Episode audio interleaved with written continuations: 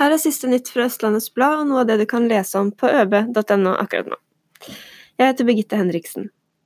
En person skal være lettere skadet etter et sammenstøt mellom en bil og en hest med sølke søndag formiddag i Ski.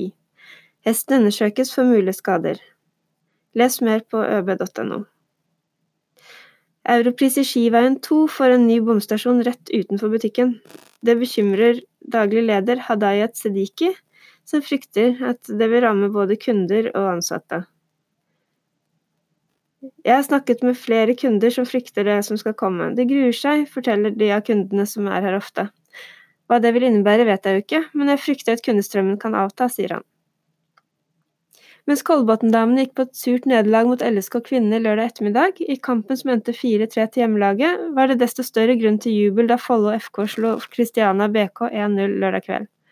Det var nykommer Joakim Glossli som skåret målet som sikret dem seieren. Vi er på vei til Ullevål, sang de 20 fra Followers på tribunen på KFUM Arena.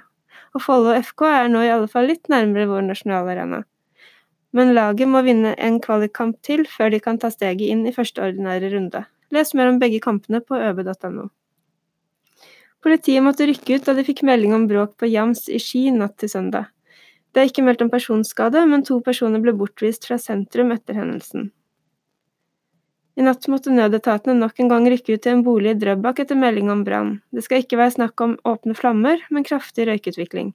En person har tatt hånd om av helse. Også i går var det brannutrykning til samme bolig. Ansatte ved NMBU er redde for at nye, de nye prestisjebyggene skal bli så dyre i drift at forskning må kuttes. Tillitsvalgt Lena Marie Kjøbli sier at ansatte ved NMBU må ta på seg store ekstraoppgaver i forbindelse med utvidelsen av NMBU, og at mange er urolige for fremtiden.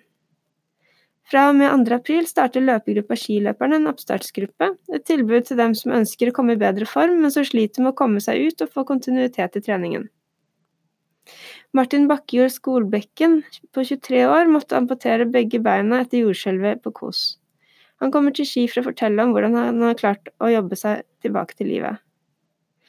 Flere tusen Teslaer står nå på Hellerudsletta utenfor X Meeting Point for mellomlagring før de skal videre ut til, til eierne.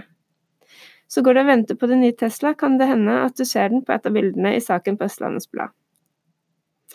Og er du ikke abonnent, men ønsker å lese flere av sakene våre, får du full tilgang til innholdet på nettsider i fem uker til fem kroner.